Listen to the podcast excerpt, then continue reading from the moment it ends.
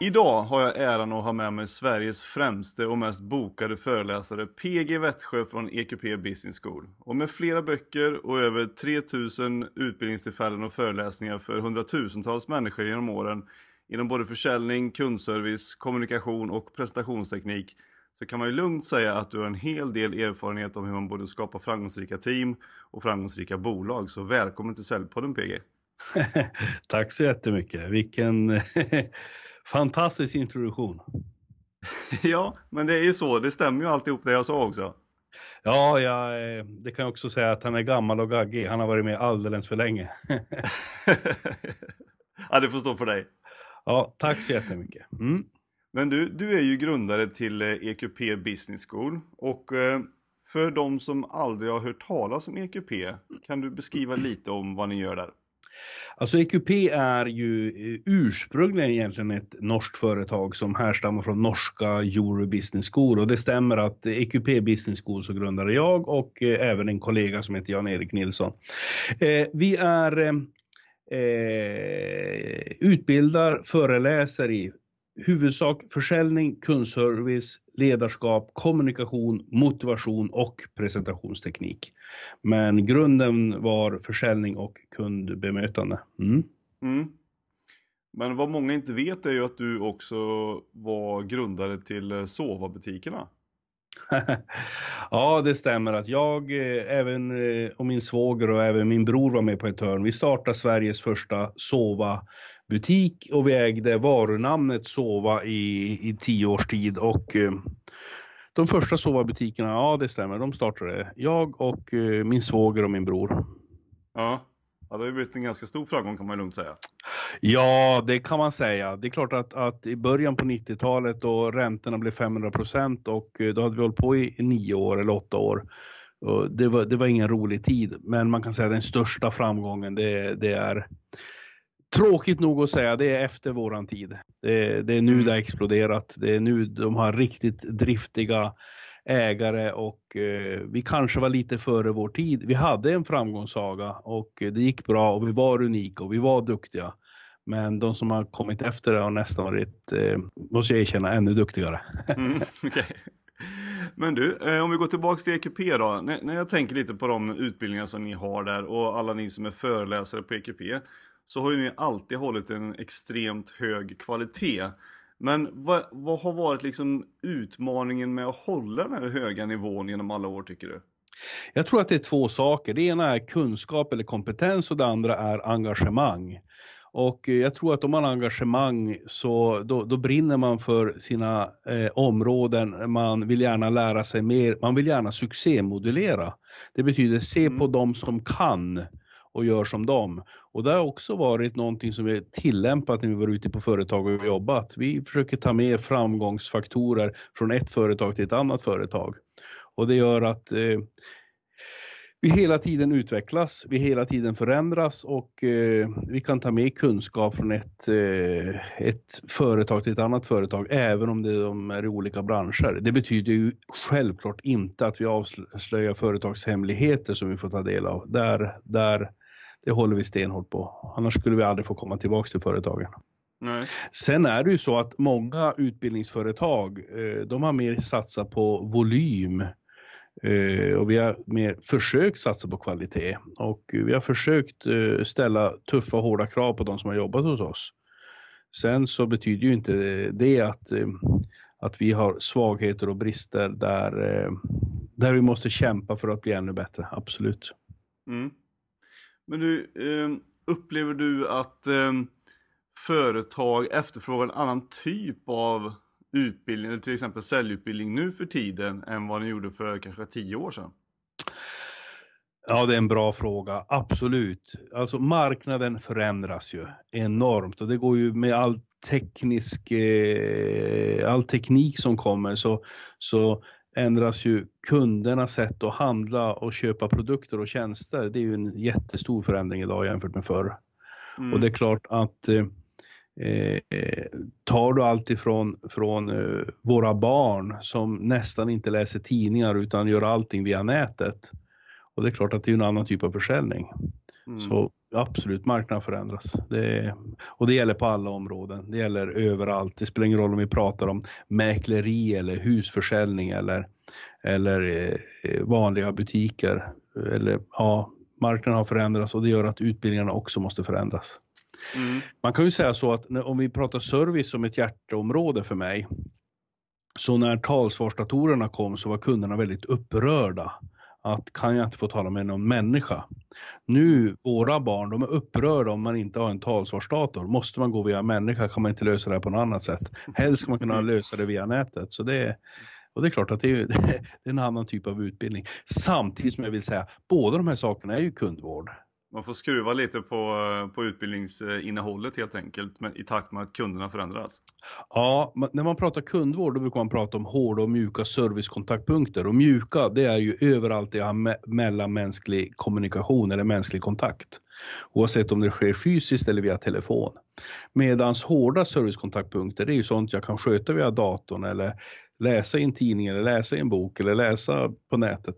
Och det är ju förändrat. Mm. Eh, att eh, det blir mer hårda servicekontaktpunkter och färre mjuka. Och det gäller att de hårda också fungerar, för det är också kundservice och kundbemötande. Men du har ju föreläst och utbildat otroligt mycket genom åren. Men när upptäckte du egentligen att det här med föreläsningar var din grej? Egentligen så vet jag inte när jag upptäckte att föreläsning var min grej. Jag, redan när jag var liten så sa mina föräldrar att när det kommer gäster så prata inte hela tiden. Du måste lära dig att vara tyst. Så jag misstänker att jag gillat att prata och berätta historier ända sedan jag var liten. Jag eh, hade en morfar som, som var en duktig eh, historieberättare som jag såg upp till. Jag har eh, eh, många i släkten som tycker om att prata och berätta och det, det har säkert påverkat mig. Hålla egna utbildningar. Jag, jag har ju varit egenföretagare i större delen, ja man kan säga hela mitt vuxna liv och jag har ju alltid haft egna säljare och egna anställda som jag skickade ut på säljutbildningar som jag tyvärr inte tyckte var bra. Mm. Och det gjorde att jag började utbilda mina egna säljare. Och eh, jag tyckte det var intressant att läsa om området. Jag tyckte det var intressant att se på de som är duktiga. Jag tyckte det är intressant när man har två eller tre eller fyra säljare. En är sisådär, en är dålig och en är onormalt bra. Mm. Vad gör den, han, hon som är onormalt bra? Och det har, har intresserat mig. Och då har jag alltid tänkt, precis som idrott, att det här borde man kunna kopiera. Mm. Mm. Och då har du gjort det? Då, har jag, då har jag försökt implementera, jag har försökt ta från de som kan och lära de som inte kan. Mm. Det har jag försökt göra. Sen tror jag det är så i alla organisationer. Jag menar, du är ju gammal eh, eh landslagsman i volleyboll. Du vet ju hur det är att, att, eh, att eh, många gånger så handlar det om att träna, men det gäller också vilja, inställning och attityd, viljan att lära sig. Mm. Får du deltagare, kursdeltagare, anställda säljare som vill lära sig så kan man ofta lära sig. Någon får försöka lite fler gånger och någon lär sig ganska fort. Ja. Vad gör man med de som inte är så motiverade då? Vad tycker man ska göra med de som är med säljare? Det finns ju alltid de här som du sa, en är lite dålig, en är onormalt bra och en, de flesta är liksom lite grann i mitten. Men vad ska man göra för att motivera dem på ett bra sätt då? Jag tror att, att eh, målbilder är det viktiga. Du blir motiverad när du ser att du kommer åka, kunna åka på en semester. Är du inte motiverad att städa ditt rum så säger man okej, okay, städa bara hyllan. Ta bara den här hyllan. Och när man har städat hyllan eh, då tänker man, ja, men, nu tar jag hela bokhyllan och nu tar jag skrivbordet också. Och jag tror det är så med anställda också. Eh, det går inte att lära någon att springa om de inte har lärt sig att gå det gäller att ta det i, i små portioner. Dela upp elefanten, då kan du äta hela. Mm. Så det, det gäller att lära en sak i taget. Det går inte att lära någon att hålla en, en eh, stor presentation eller en säljpresentation eller åka ut och sälja avancerade produkter om du inte kan produkten. Så det, det gäller att dela upp det i små delar. Mm. Och jag tror att, att eh, din fråga var hur gör man dem motiverade? Ja, visa att de faktiskt kan. Jag tänker på en annan sak eh, som du eh, håller på väldigt mycket med, det är ju presentationsteknik. Jag tänkte att vi ska komma in på det här med kundservice om en liten stund, men just det med presentationsteknik. För det är ju eh, rätt många som tycker att det är bland det läskigaste man kan göra, att ställa sig upp och prata inför folk. Vad är ditt bästa knep för, för att förbereda sig när man ska hålla en bra presentation eller så om man tycker att det är väldigt obekvämt? Jag tror att eh, facit fanns i frågan. Hur förbereder man sig? Alltså att man är förberedd. Sen är det ju så att har du scenskräck, är du rädd för att stå och tala inför folk, jag menar då kanske du behöver annan hjälp också. Mm. Men är det så att du ska hålla ett föredrag i skolan, på universitetet, eh, på din arbetsplats, så ett, var förberedd. Två, var inte slav under manuset. Folk vet inte vad du ska säga. Det gör ingenting om om du har lite is i magen, törs pausera, törs eh, vila på tystnaden. Många gånger så tror jag att jag måste vara så forcerad, jag måste ha flyt. Och då kommer de här tilläggsorden och vad var det jag skulle säga? Eller, eh, mm, eh, eh, mm.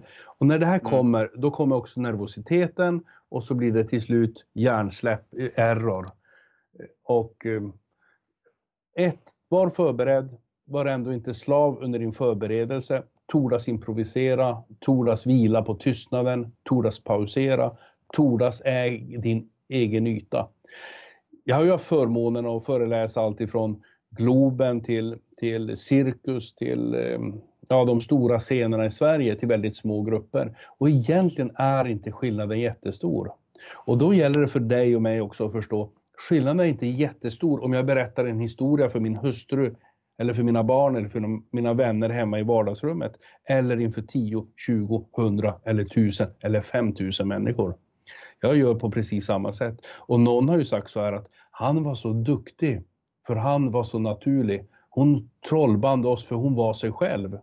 Så att kanske konsten att försöka att inte vara någon annan än den jag är. Mm. Vara mig själv.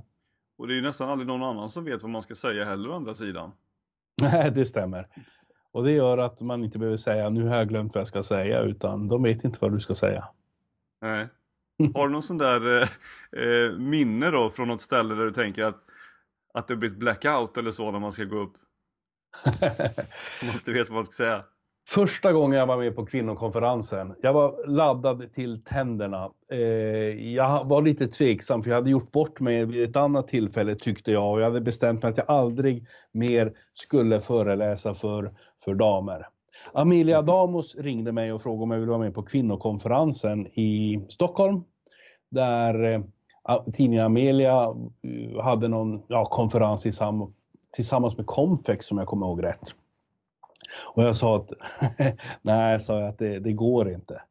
Och då säger hon varför det? Nej, sa jag, jag är fullbokad. Och då börjar hon skratta och så säger hon du, du vet ju inte när det är. och, och eh, i alla fall så vi kom överens om att jag skulle vara med och jag började träna på den här, inför den här föreläsningen. Och eh, jag tränade på min hustru, jag tränade på min dotter som också skulle vara med och lyssna på mig. Och jag tror min dotter som nu är över 30 år var 13 då, så det är, det är många år sedan. Och eh, vad blir det, 17-18 år sedan. Och eh, jag tränade och tränade och till slut så ville varken min hustru eller dotter höra mig träna mer så jag tränade på hundarna. Och de dog sen. men, men, men, men, i alla fall så, så när jag kommer till Konserthuset, jag kommer ihåg att, att eh, det var fullsatt, eh, långt över tusen människor. Jag var sista föreläsaren på dagen. Eh, jag vet att Stefan Einhorn tror jag inledde och Malin Berghage var före mig. Mm. Och man känner ju normalt inte eh, normala saker med hjärnan, utan det vi känner med hjärnan det är ju onormala saker. Och eh, jag menar, du känner inte magen för att du har ont i magen, du känner inte eh, eh tänderna för att du har ont i en tand. Mm. Du känner inte normala svettningar, men du känner onormala svettningar. Du känner inte normal andning, men andfåddhet, det känner du. Och ja, det var exakt det som kände. Precis när jag ska gå in på scen så känner jag att jag är lös i magen. och eh, jag känner att det här kommer aldrig att gå. Och till saken hör att jag alltid använder tre blädderblock på scen. Mm. Och eh, jag går mellan de här blädderblocken och, och eh, jag börjar tänka jag kommer inte kunna gå mellan blädderblocken. Och just nu inser jag att eh, det här kommer inte att gå. Och just då så konferensen, en eh, Ann Westin var alldeles färsk eh, eh ståuppkomiker. Hon var konferenser och presenterade mig och till slut vet jag inte ens vad jag är. Och hon säger han var här nyss och eh, nu går jag in på scen och här får jag min första blackout. Så det, det var hemskt. Hur löste du det då? Det gick bra. Jag började ställa frågor till publiken och, eh, och då kände jag att eh, till slut så sa jag, vill någon av er komma upp på scen och sjunga en sång? Och då upplevde jag att publiken blev mer nervös än jag och då på så sätt så fick jag kontroll på det. Du, jag gick ju en presentationsteknikskurs med dig för några år sedan som var som jag tyckte var extremt bra.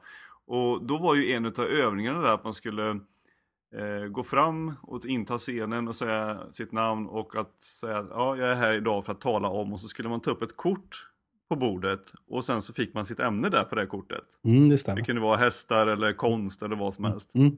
Och jag upplevde att, för jag tyckte det var väldigt kul, men många blev väldigt nervösa då och hade lite svårt att prata om det här i, i de här två minuterna som man skulle hålla låda om en häst eller konst eller vad det nu var. Vad är liksom knepet för att kunna ställa sig upp och prata om vad som helst egentligen? Alltså varför det var lätt för dig, det var ju därför att du är ganska trygg i dig själv och du, var en, du, är, du är en duktig föreläsare, du, var, du, du är en van föreläsare, du har talat inför folk.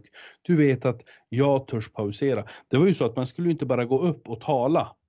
Man skulle också göra några andra saker. Man fick inte säga äh, mm. Man skulle Nej, tordas pausera. Man skulle tordas ha ögonkontakt med deltagarna, eller i det här fallet det vi kallar för publiken. Man skulle inte flacka med blicken. Det var några till saker man skulle tänka på. Och mm. eh, jag vet egentligen inte varför eh, det här är ju en viss typ av övning. Ofta så har vi övat i många år på att göra vissa saker fel. Och när vi ska bryta det här då, då, då blir det kanske lite error i hjärnan innan man har vant sig. Men det här är någonting, hur konstigt den låter, alla kan lära sig. Sen är det ju så att någon måste öva mer. Precis som i flugfiske, spela tennis, eh, lära sig spela fiol eller, eller golf. Man måste göra vissa, vissa saker måste man göra fler gånger. Och det kan ju vara så att den som har gjort fel i många år, för en sån kan vägen ibland vara längre att gå. Mm. Jag vet inte om det var svar på din fråga. Ja, men jag tänker liksom ifall, visst man kan ju träna sig på att uh, prata om vad som helst, men om man får en sån där grej till att, ja Mattias, kan du ställa dig upp och ställa, prata lite om det här? Ja. Finns det liksom något sådär, förutom pausering, att man kan tänka efter, man kan röra sig lite i rummet kanske för att få några extra sekunder att tänka och sådär, men finns det några andra bra direkta knep liksom? Jag var på en retorikdag för inte så länge sedan på Norra Latin. Mm. Och där var det några som sa att, att eh, när du går upp så ska du ta det lugnt. Och sen ska du stå still. Och jag menar att det är fel. Mm. Jag menar att man ska ha energi i kroppen, man ska tordas röra sig, men man ska också tordas stå, stå still. Och det här låter ju motsägelsefullt. Att å ena sidan tordas röra dig, å andra sidan eh, tordas stå still.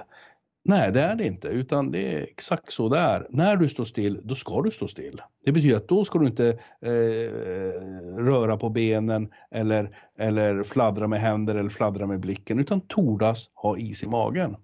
Och när du rör dig, då ska du tordas röra dig. Då ska du inte tveka. Jag menar, du ska äga din talaryta oavsett om det är ett skrivbord, oavsett om det är en sal med tre, fyra personer eller om det är en sal med 5000. Och det är klart, är det 5000 då är scenen större och då äger du din scen eller din talaryta. Mm. Står du bara i en, en talarstol, jag menar, då är det din talaryta. Jag tror att det gäller att vara så, tordas vara så naturlig som möjligt.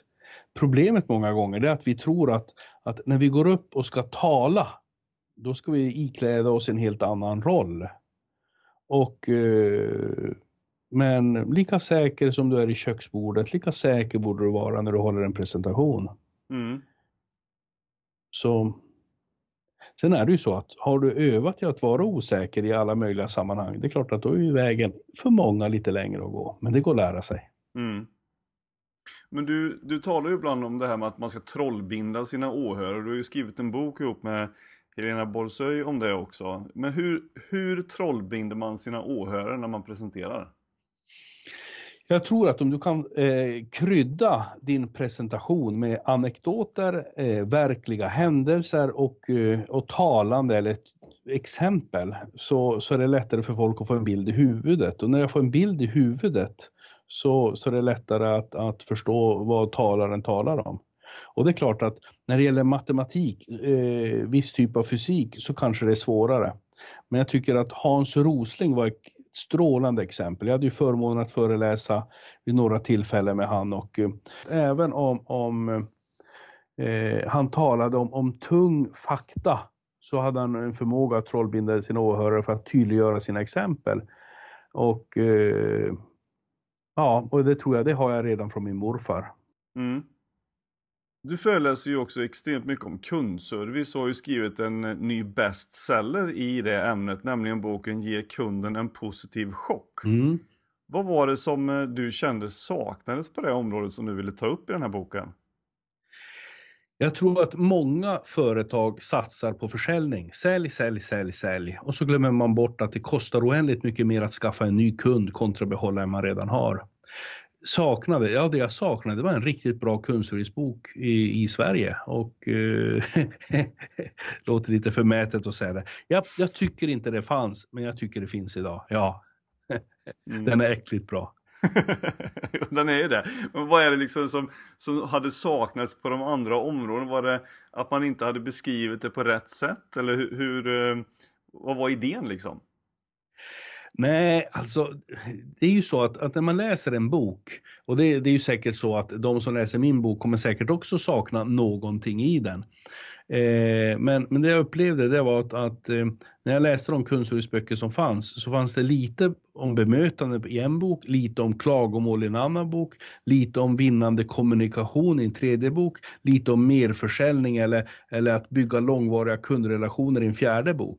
Eller bemöta olika kundtyper i en femte bok. Och jag tänkte, jag ska försöka samla det bästa från alla böcker. Någon har sagt så här, om, om du kopierar en bok, då är det stöld. Kopierar mm. du 40 böcker, då är det forskning. Jag har mm. försökt ta, ta det bästa exemplen från, från min erfarenhet, från uh, de som är duktiga på det området och samla det i en och samma bok och försöka tydliggöra det med levande exempel. Mm. Så att uh, jag vet egentligen inte om, om någonting är revolutionerande nytt, men kanske en ny förpackning som gör att det blir intressant för läsarna. Mm. Men, men vad är de största liksom, utmaningarna med kundservice som du ser då när du, när du är ute och jobbar och, och föreläser och utbildar företag, butikspersonal och säljare? Vad är de största utmaningarna? Ja, din fråga är så jättebra och jag skulle önska att alla servicechefer eller VDR eller försäljningschefer skulle ställa samma fråga. Vad är absolut största utmaningen? Jo, största utmaningen är att folk, problemet är inte att de inte vet. Problemet är att de inte gör det de vet. Vi vet hur vi borde kommunicera med barnen, med hustru, med föräldrarna, med vännerna.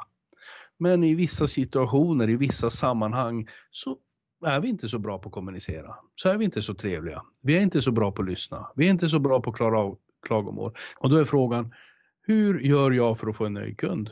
Hur gör jag för att få en imponerad kund? Hur får jag en kund som, får näst, som nästan får en positiv chock? Gör det vi vet. Sen är det ju som precis, eh, jag menar du är ju elitspelare eller, eller före detta elitidrottsman.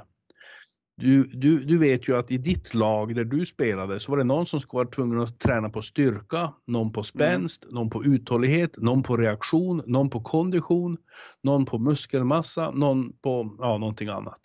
Och så är det med kundbemötande också. Vi mm. har, eh, ofta så tänker vi, vi sätter alla i samma skola och alla ska träna på samma sak. Men det är så, vi har olika styrkor och vi har olika svagheter. Och det gäller ju att jag tränar på, ja, där jag brister, där jag inte är så bra. Och eh, det går att implementera i alla organisationer. Men vad är, vad är det enklaste att förändra? Är det sin egen attityd eller vad är det som är det enklaste för att kunden ska få en bra upplevelse av mig eller bolaget eller enklaste att förändra, eller enklast att förändra, det är sin inställning och attityd. Det tror jag. Det, det, och ibland så gäller det för dig och mig att tänka så här, hur är det att vara kund hos oss? Har jag varit kund i min egen butik? Och när jag kan tänka mig in lite grann i kundens situation, vad kunden känner när de får vänta x antal tid på att få hjälp. Vad kunden känner när de får vänta i fem dagar på att få svar på ett mejl. Hur kunden upplever det när de sitter på lördag kväll och känner sig lurade och de vet att jag kommer inte få information förrän på måndag om det här, om försäkringen täcker det här eller om den inte täcker det här. Hur kunden upplever att vara strandsatt med eh, på en resa långt bort ute i vida världen. Hur kunden upplever det att eh, det har försvunnit pengar från kontot men de vet inte om de får grejerna. Alltså det gäller många gånger att hur upplever kunden det här? Mm. Och då handlar det om, har jag själv, har vi själv varit kund i vår egen butik, i vår egen kommun, i vår eget, ja, det spelar ingen roll om vi pratar om kommuner eller företag eller, eller snabb eller enkel eller avancerad försäljning. Det, det gäller att försöka tänka sig in i kundens situation. Och när jag förstår kunden, då påverkar det ofta min egen inställning och attityd. Hur borde jag behandla, ta hand om kunden? Mm. Och ofta så är det ganska självklart hur det där borde gå till, tänker jag. Absolut. Som jag sa, problemet är ju inte att vi inte vet. Problemet är att vi inte gör det vi vet. Och vi blir, precis som du säger, lätt hemmablinda. Ja. Mm. Ja, det kanske man skulle prova alltjämt och be någon eller att man skulle vara då kund i sin egen butik som du säger. Det är ju det som är lite roligt med den här Undercover Boss, om du har sett den någon gång. Ja. ja Han åker runt, jaha, nu inser jag vilka problem vi har i mitt företag. Det visste ja, jag inte ja. innan. Eh, det är, problemet i, i, det exemplet är ju att, att, eh, att där, eh, om jag förstått programmet rätt, så är det väl så att han blir, blir en medarbetare. Mm. Men vad hade hänt om man var kund till sig själv? Just det. Det är nästan ett steg till. Mm. Och det, det, kan det ju vara i vissa sammanhang. Men äh, har du ett litet företag, då kanske det är så att har du en, rörmokerifirma, då kanske du skulle själv kontakta några andra rörmokerifirmor för att se hur behandlar de, hur tacklar de dig, hur lång tid tar det innan de ringer upp och så vidare. Mm. Är, är det så att, att äh, du är chef på kommunen så är risken att när du har något problem, du vet exakt vem du ska fråga. Men har du någon gång själv provat ringa till växeln? Har du någon gång fått veta att vi har telefontid mellan eh, eh, två och fyra på måndag, onsdag och fredag? Mm. Har du provat ringa då två och väntat i kön i 20 minuter? Till slut kommit fram och fått veta att du ringer till fel till fel enhet på kommunen. Du måste ringa om. Och de, när du ringer om får du veta att de har telefontid på måndagar mellan 8 och 9. Mm. Och när du då ringer dit så får du veta att du pratar med fel person. Eller när du ringer till BMW, ja och så vidare och så vidare. Alltså, det är att vara kund i sin egen butik. Jag hade en ICA-handlare en gång som bestämde sig att han skulle vara kund i sin egen butik. Han hade aldrig handlat i sin egen butik. Mm. Hustrun gjorde en lista på vad han skulle handla. Och på den tiden så var man tvungen att klippa ut kuponger. Och, eh, men han fick inte ta kupongerna i butiken utan han var tvungen att åka hem och söka i sin post för att hitta de kupongerna och klippa ut dem. Mm. Han var tvungen att ta med sig sin lilla dotter som ropade godis, godis, godis i hela butiken. Och han visste att han hade en annan tid som han skulle hinna efter sitt butiksbesök. Mm. Och det betyder att när han stod i kön så upptäckte han hur, hur irriterad man blev när dottern skrek godis, godis, godis och det inte gick tillräckligt snabbt. Mm. Det är bara ett exempel, men, men ibland handlar det om att, att försöka tänka sig in i kundens situation. Hur upplever kunden det här hos oss? Och det kan vara väldigt lärorikt. Men kan man göra med de här mjuka och hårda servicekontaktpunkterna som du nämnde tidigare? Då? Absolut. Sen ska man ju komma ihåg att alla servicekontaktpunkter är inte lika viktiga. Utan ibland så måste vi tänka att är det här en viktig servicekontaktpunkt för, för kunden?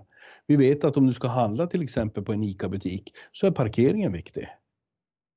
Mm. Eh, speciellt om du åker till de större butikerna och inte går eller cyklar dit. Du ska åka till ICA Maxi och du hittar ingen parkering.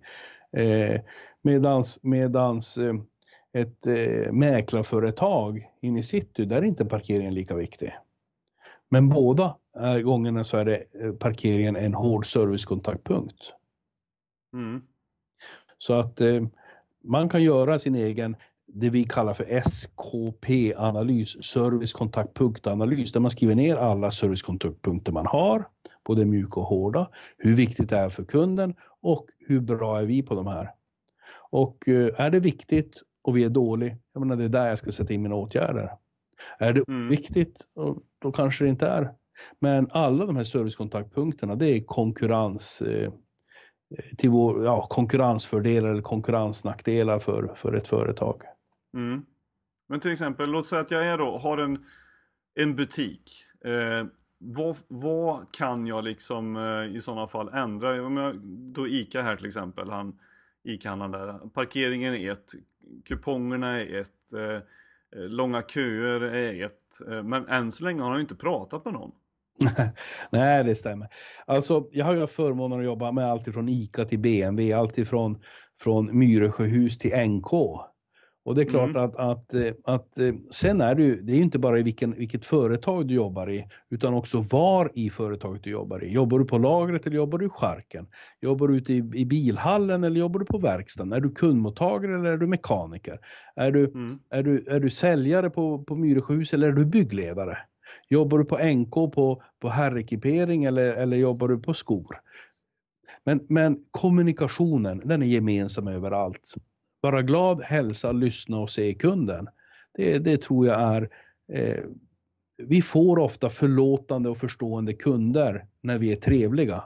Det betyder inte att vi inte ska vara duktiga på de andra områdena. Men, men det vi kallar för vinnande kundkommunikation, det borde alla lära sig. Hur kommunicerar jag med människor? Ser jag kunden? Hälsar jag på kunden? Är jag villig att hjälpa kunden? Gör jag det lilla extra? Tar jag de här fem stegen extra för att visa var är? Om vi nu skulle ta ICA, eh, peka eh, eh, taco, ska, eh, taco salsan, det är där borta. Mm. Eller går jag med dem och säger det är där borta? Eller går jag ända fram och säger här har ni salsan, här har ni osten, här har ni tacokryddor. I början så har ni grönsaker och längre fram så har ni både kyckling och köttfärs. Det är det lilla. Då, då, får, då blir kunden väldigt imponerad. Mm.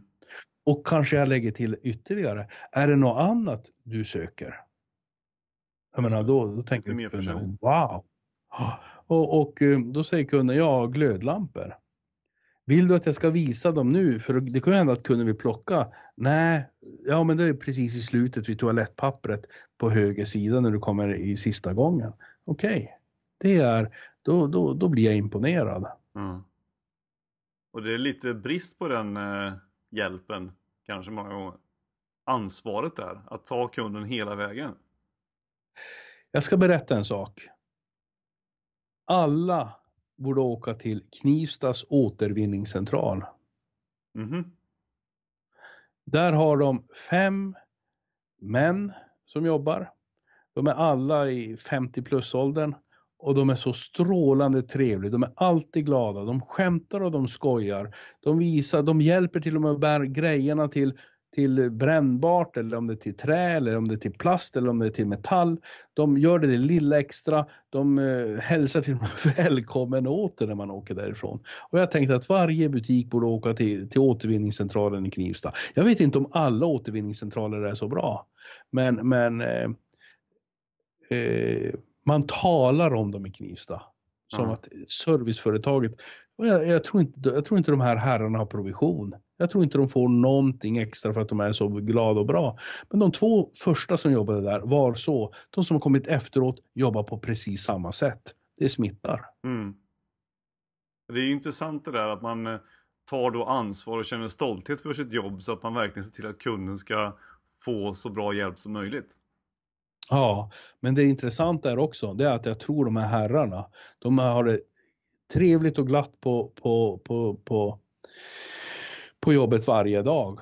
Och jag tror att de får många glada positiva kunder. Mm. Det är väldigt få av oss som tänker så här, wow vad roligt att åka till återvinningsstationen och slänga skräp på lördag. Men så känner jag. du är där ofta med andra ord. Ja, jag, jag åker dit så fort jag kan. Ja. Lördagsnöjet. Men eh, eh, jag tänkte på, du skrev ju det i din bok också, att, eh, från något exempel i, jag tror att det var i Uppsala, om en busschaufför som också fick eh, Eh, pris för ehm, eh, vänlighet eh, eller något liknande. Var det inte så?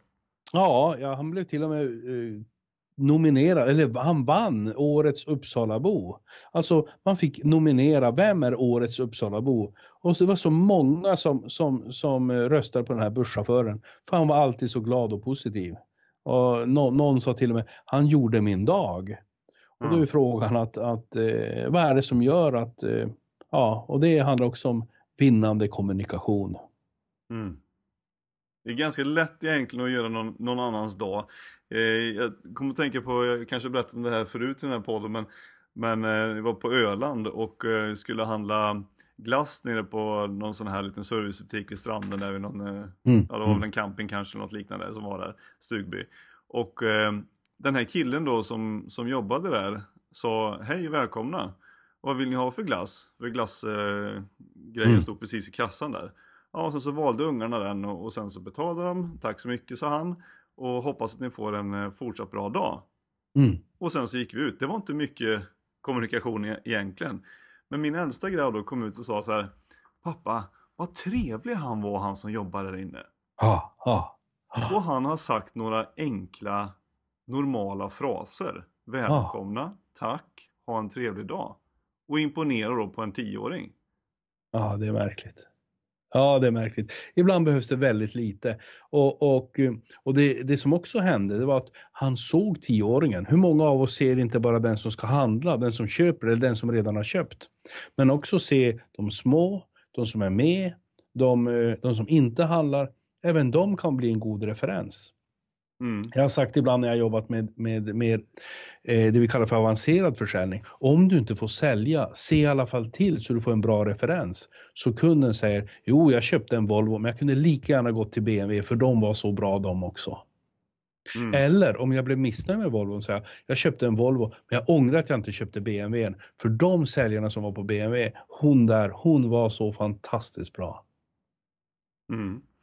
Eh, det är ju så, du, du, har ju, du har ju massor med sådana här bra exempel på både bra och dålig kundservice i den boken. Och man tänker liksom, man läser de här exemplen att det, det borde vara en topprioriterad färdighet hos alla som jobbar med människor att förstå kundservice.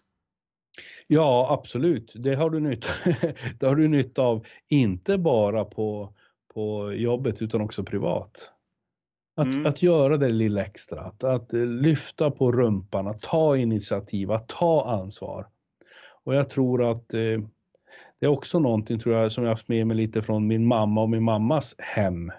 Där, där sitter man inte på stjärten, man tar initiativ, man gör det lilla extra. Man, när det kommer gäster hem så är det det viktigaste som finns. Och eh, eh, ja, där har jag fortfarande mycket att lära mig. Ska man alltid satsa på att göra det lilla extra för kunden tycker du? Absolut, det tycker jag.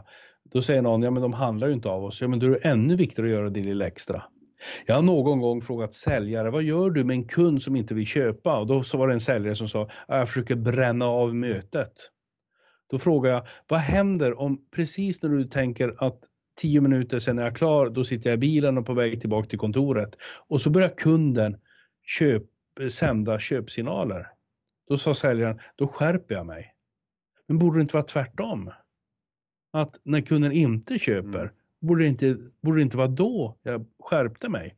Och jag tror den som har förmågan att skärpa sig även i de lägen då jag tror att kunden är negativ, då jag tror att kunden är sur, då jag tror att kunden inte ska köpa. Det är ofta de som får köpande kunder, nöjda kunder och kunder som gärna kommer tillbaka. Mm. Jag tänkte jag skulle ta några exempel från eh, boken här, höra din syn på vad man kan göra istället då.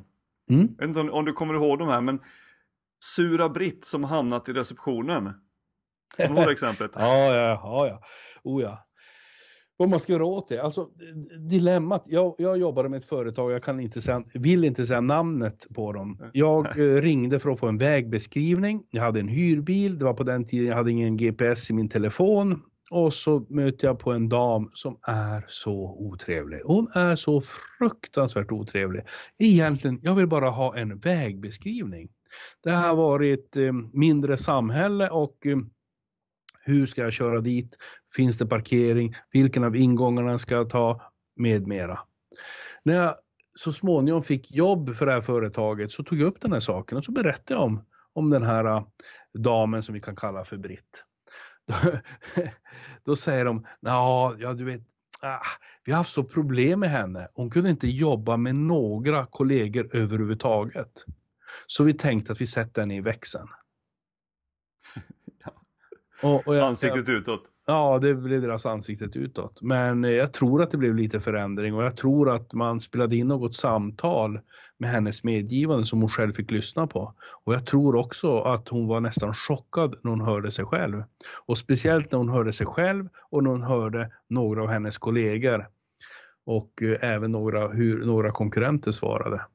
Och jag mm. tror till och med att eh, det blev bättre och sen så frågade hon om inte hon kunde få någon annan arbetssyssla. Det kan ju finnas skäl varför jag beter mig på ett visst sätt. Jag kan ju ha privata problem. Jag kan ha kanske elaka kollegor. Jag kanske själv mår dåligt eller är sjuk eller mm. så det handlar också för den som sätter någon i en viss plats eller position på ett jobb att de också visar förståelse för den personen. Mm. Jag vet ett annat exempel där vi, jag jobbade med Alba Margarin och vi gick till samma restaurang varje gång och alla pratade om hon som stod i kassan på den här lunchrestaurangen. Det är inte det exemplet du tänker på, men jag måste bara få berätta det här.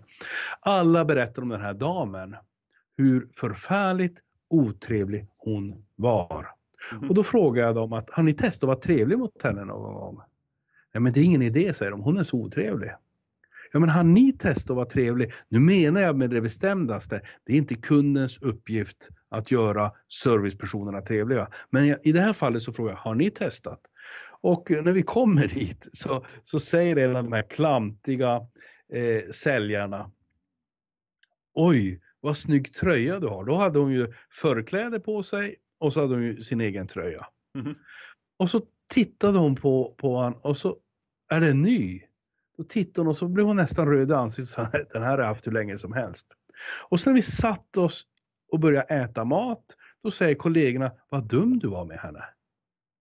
Nej men jag trodde den var ny. Nej men den där har hon ju alltid på sig.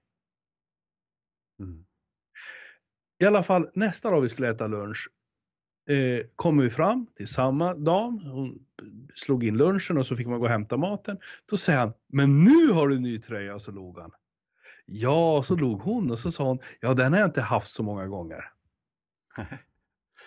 och det intressanta var att de fick en dialog och varje gång hon såg oss efter två, tre, fyra, fem gånger, redan när vi kom vid entrén så började hon le.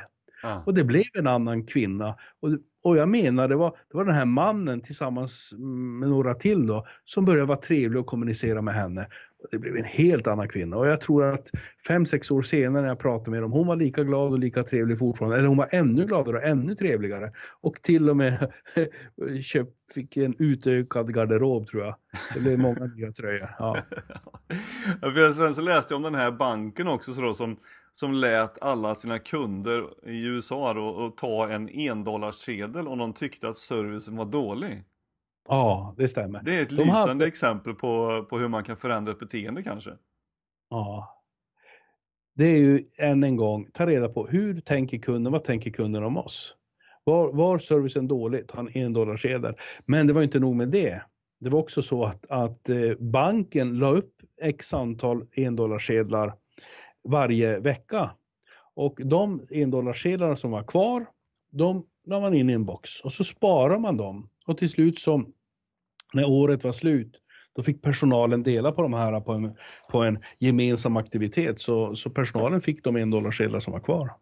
Mm -hmm. Det fanns lite motivation till att bli lite bättre kan man säga. Det fanns motivation till att bli lite bättre. Mm.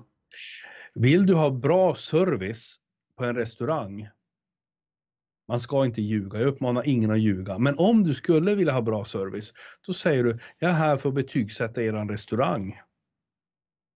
Mm. Då skulle säga att du får bra service. Det kan jag tänka mig. Jag ska prova den här gången, jag har faktiskt aldrig gjort. ja, bra tips. Men du, du, du pratar ibland om det här med säljande service också. Vad, vad, vad innebär det begreppet? Jag tror att eh, försäljning och service hänger ihop. Eh, jag, tror att alla, jag, jag, tror att alla som jobbar med försäljning, de jobbar med service. Alla som jobbar med service, de jobbar med försäljning. Och eh, vi har ju sett att när vi har fått kundmottagare i en bilverkstad bli mer säljande så har kunden tyckt att det är bra service. Om du går in i och ska köpa en kostym och så säger eh, kostymsäljaren att eh, eh, på den här herrekiperingen att, att får jag visa en jättefin skjorta som passar till det här. Även om du inte köper skjortan så tycker du det är bra service. Om du ska köpa eh, kastspö, du ska följa med dina kompisar och fiska gädda och, och så säger säljaren, får jag visa några fantastiska gäddwobblor? Så tycker du det är bra service. Mm.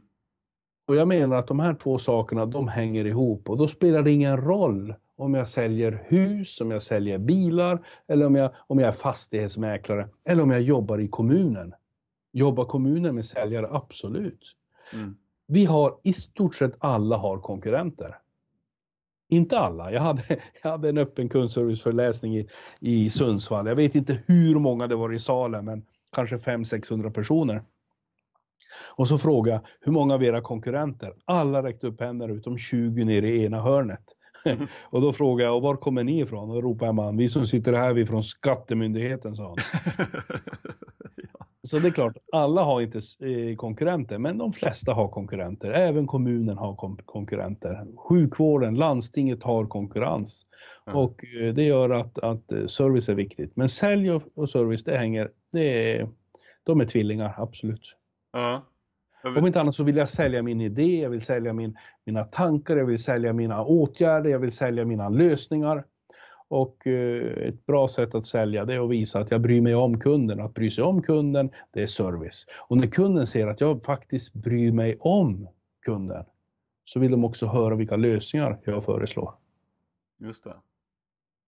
Men, men är liksom kundservice eller kanske bemötande en konstart eller är det något som du tror alla kan lära sig? Fotboll är en konstart, alla kan lära sig spela fotboll. Sen tror jag att, att anlag och eh, eh, har du en viss typ av bollkänsla, det är klart att, att det är lättare och roligare att lära sig ännu mer när du spelar fotboll. Mm. När, du, när du känner att du har läggning eller fallenhet för ett visst område så ger det ofta motivation att lära sig mer. Och det gör att de som ofta är duktiga, de blir ännu duktigare. Men vi har ju sett, inte minst i idrottsvärlden, det har både du och jag sett, de som inte har så mycket fallenhet, men de har gillat det de har hållit på med. Och det har gjort att de har blivit duktiga. Så jag tror att, att även om du känner att du inte har fallenhet, men du brinner för det du håller på med, så kommer du bli duktig, eller duktigare. Just det. Men då är det att, att träning egentligen utkonkurrerar talang i förlängningen, tänker du, eller? 100% rätt. Har du 100% talang, men aldrig tränar, så kommer den som tränar förr eller senare gå om dig. Mm. Jag menar, säg att du, du har 100% talang när det gäller spela golf, men du spelar inte golf. Så den som är, jätt, den som är helt talanglös, tränar och tränar, så kommer han eller hon förr eller senare bli bättre än dig. Om du aldrig spelar golf. Du, du, du har talang att rida, men du testar bara en gång. Den, mm. Den har ingen talang att rida, men han eller hon tränar, tränar, tränar. Förr eller senare kommer han eller hon gå om dig. Mm. Det är perfekt för det ska jag säga till min brorsa för han har ett uttryck som han alltid kör med att träning är för talanglösa. Oft, ofta så är det ju så att, att vi blandar ihop det här med de som tränar lite och de som tränar mycket. Ja. Men, men, men, men och, en del av de som tränar lite är ju bättre än de som tränar mycket på grund av att de har talang. För att de har en grundstyrka. Jag menar, du har spelat så mycket squash och nu, nu är det tennis och du, eller du har bollkänsla i kroppen. Men om du aldrig tränar så kommer den talanglöse gå om dig, ja. Mm. Tycker du att det är viktigt att man eh, har, att man lär sig om det här kännedom om olika personlighetstyper då för att bli bra på kundservice? Nu ska jag säga någonting till alla servicepersoners eh, utbildares stora skräck. Det behövs absolut inte lära sig om olika människotyper. Nej. Utan? Nej, jag har ju stött på genom åren många som har varit fantastiska, duktiga på service och bemötande. Allt ifrån läkare, sjuksköterskor, advokater, jurister, fastighetsmäklare och säljare. Mm. Som har varit bra på, varför det? Jo, för att de har haft emotionell intelligens. De har haft förmågan att sätta sig in i andra människors tankar och känslor. Och eh, har du den förmågan så behöver du inte veta om den här är röd, blå eller grön. Om det här är en individualist eller en kontrollör eller analytiker eller sympatisör. Om det här är en Andersson Pettersson eller, eller Alltså det är inte det viktiga. Det viktiga är att kunna anpassa sig till olika människor. Däremot om jag inte har eh, om jag har en lägre emotionell intelligens eller jag har inte en förmåga att sätta mig in i andra människors sätt att vara, då kan det vara en bra hjälp att lära mig att förstå att alla är inte stöpta i samma form, alla är inte likadana. Och eh, jag tror att det, det, är en bra det är bra att förstå att människor är olika, men jag har stött på sådana som är väldigt duktiga på att bemöta människor och som inte har lärt sig om det här. Många duktiga mm. mammor, många duktiga pappor, många duktiga sjuksköterskor, många du som har en förmåga att sätta sig in i, i den här människan. Och ibland är det en arg patient, kund, klient. Ibland är det en glad, ibland är det en ledsen, ibland är det en, en, en rädd. Att kunna förstå den här människan. Det är ju det det handlar om. Och därför vill man ju lära ut till, till människor att att, eh, eller till säljare eller servicepersoner om, om de här olika människotyperna som jag kallar för individuell kundbehandling. Mm. Någon har sagt så här att det viktigaste är inte att behandla kunden så som jag vill bli behandlad. Det viktigaste är att behandla kunden så som kunden vill bli behandlad. Och har jag en förmåga att förstå mm. kunden och sätta mig in i kundens situation och kundens tankar, vilket vi aldrig kan göra till 100 procent. Men har jag en förmåga som är lite över medel så är jag, då är jag ofta bra på, på att bemöta olika människotyper. Mm. Ja, men vad, vad, tycker du är den, liksom då, den enskilt viktigaste saken som företag och dess personal måste lära sig för att vi ska uppleva att vi ska få bra kundservice? Att alla på företaget inte förstår kunderna. Att alla förstår inte vikten av kundvård. Om ett företag ska bli bra på service så måste man ibland lära kundmottagarna, servicepersonerna, eh, säljarna att eh, så här ska vi göra för att få nöjda kunder. Mm. Man är ibland villig att satsa väldigt mycket pengar på att skaffa nya kunder, men man lägger inte ner lika mycket på att behålla de man redan har. Och då gäller det ibland att ha förmåga att täcka sig in i kundens situation. Du skriver ju någonstans också att eh, regler får inte vara staket för idioter. vad, vad menas med det egentligen? Ja, det var faktiskt, det fanns en speciell historia där, där min son skulle hyra lägenhet flyttade från Norge. Han hade inte haft fast lön i två år. Allt var klart, han skulle skriva på kontraktet. Flyttlasset hade kommit från Norge. Han, hans fru eh, och deras eh, lilla son flyttade hit. Sen fick han inte hyra lägenheten för han hade inte haft jobb i tre år, eller om det var två år. Hon hade fast jobb, hon skulle börja jobba på Akademiska sjukhuset. Han hade jobb, eller skulle starta upp ett företag. Han kunde inte visa bokslut heller för två eller tre år. Mm. De godtog inte bankgaranti, de godtog inte borgen, de godtog inte referenser, de godtog inte att de inte hade haft någon betalningsanmärkning i hela sitt liv, utan reglerna sa så. Då till slut så sa jag, men jag skriver på åt er, men det gick inte heller. Och jag frågade, finns det något undantag? Jag pratade direkt med, med det här, den här bostadsrättsföreningen som var kommunal eh, här på orten där jag bor. Ja, det var faktiskt här i Knivsta. Mm. Då säger de så här att ja, om du är arbetslös, om du är sjukskriven, om du har en god man eh, och ja, det var några saker till. Så det betyder att om du var skötsam, då gällde de här reglerna. Men om du inte var skötsam, då, hade du betalningsanmärkningar, då kunde en bank gå in och ge en bankgaranti. Men om du inte hade betalningsanmärkningar, då, behövde du, då kunde du inte ge en bankgaranti. Det var så absurt, det var så galet. Och när jag pratar med ett annat bostadsrättsföreningsföretag i Västerås så skrattar de åt det här, det var också kommunalt. Och då säger direktören där, regler är inte till får inte vara staket för idioter och det tyckte jag passade så jättebra. Alltså man har satt upp ett regelverk men man kan inte gå utanför regelverket och det blir, ja, det blir så absurt, det blir så galet, det blir så fel. Så att, eh, och tyvärr, det här ser vi ibland i lagar, i regler, i förordningar och så vidare. Mm. Det blir inte riktigt kundservicevänligt om man säger så. det, blir, det, det får sin motsats. Det blir absolut inte kundservicevänligt. Nej. Men du, jag rekommenderar ju alla som eh, jobbar med människor att köpa den här boken Ge kunden en positiv chock. eh, kundservice världsklass. Men vart får man enklast tag på den? Ja, du är snäll du. Tack så jättemycket. Ja, du är god. Eh, ja, den, den, finns ju på nätet. Den finns ju på Adlibris och den finns ju på Bokia. Den finns i, i en del bok, eh, i bokhandeln. Men det är klart, man kan ju alltid vända sig till EQP Förlag AB eller EQP Business School. Så går det att köpa den där också. Men den, den finns på nätet. Just det. Men om mm. man då lyssnar på det här och tänker att ja, PG han bara måste komma hit och styra upp våran kundservice. Hur gör man då? för att boka dig som föreläsare eller utbildare? Antingen vänder man sig till EQP eh, e Business School. Eh, man kan också vända sig direkt till mig. Man kan också gå till någon av de eh, Athenas till exempel eller Talarmäklarna som också säljer mig. Så att vill man höra mig så kan man också vända sig till Bestseller eller Vimab som jag har en del öppna föreläsningar för. Eh, både i år och eh, även nästa år. Så det, det, är där man finner mig. Så mm. Talarmäklarna Athenas, en kort föreläsning, utbildningsprocess, EQP Business School eller kontakta mig direkt på någon vänster. Ja, vi kan väl lägga upp lite länkar till det kanske på säljpodden.se sen ja, jag betalar dig sen Mattias. Okej, okay. tack.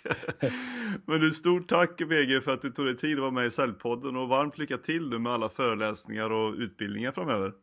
Tack så jättemycket Mattias. Det var en ära att vara med och bli intervjuad av en som verkligen kan det här med service, försäljning och bemötande. Så det var bara, nöjet var helt och hållet på min sida. Tack så mycket. Ha det så bra. Tack ska du ha. Ja, det är gott. Hej. Hej. Thank you.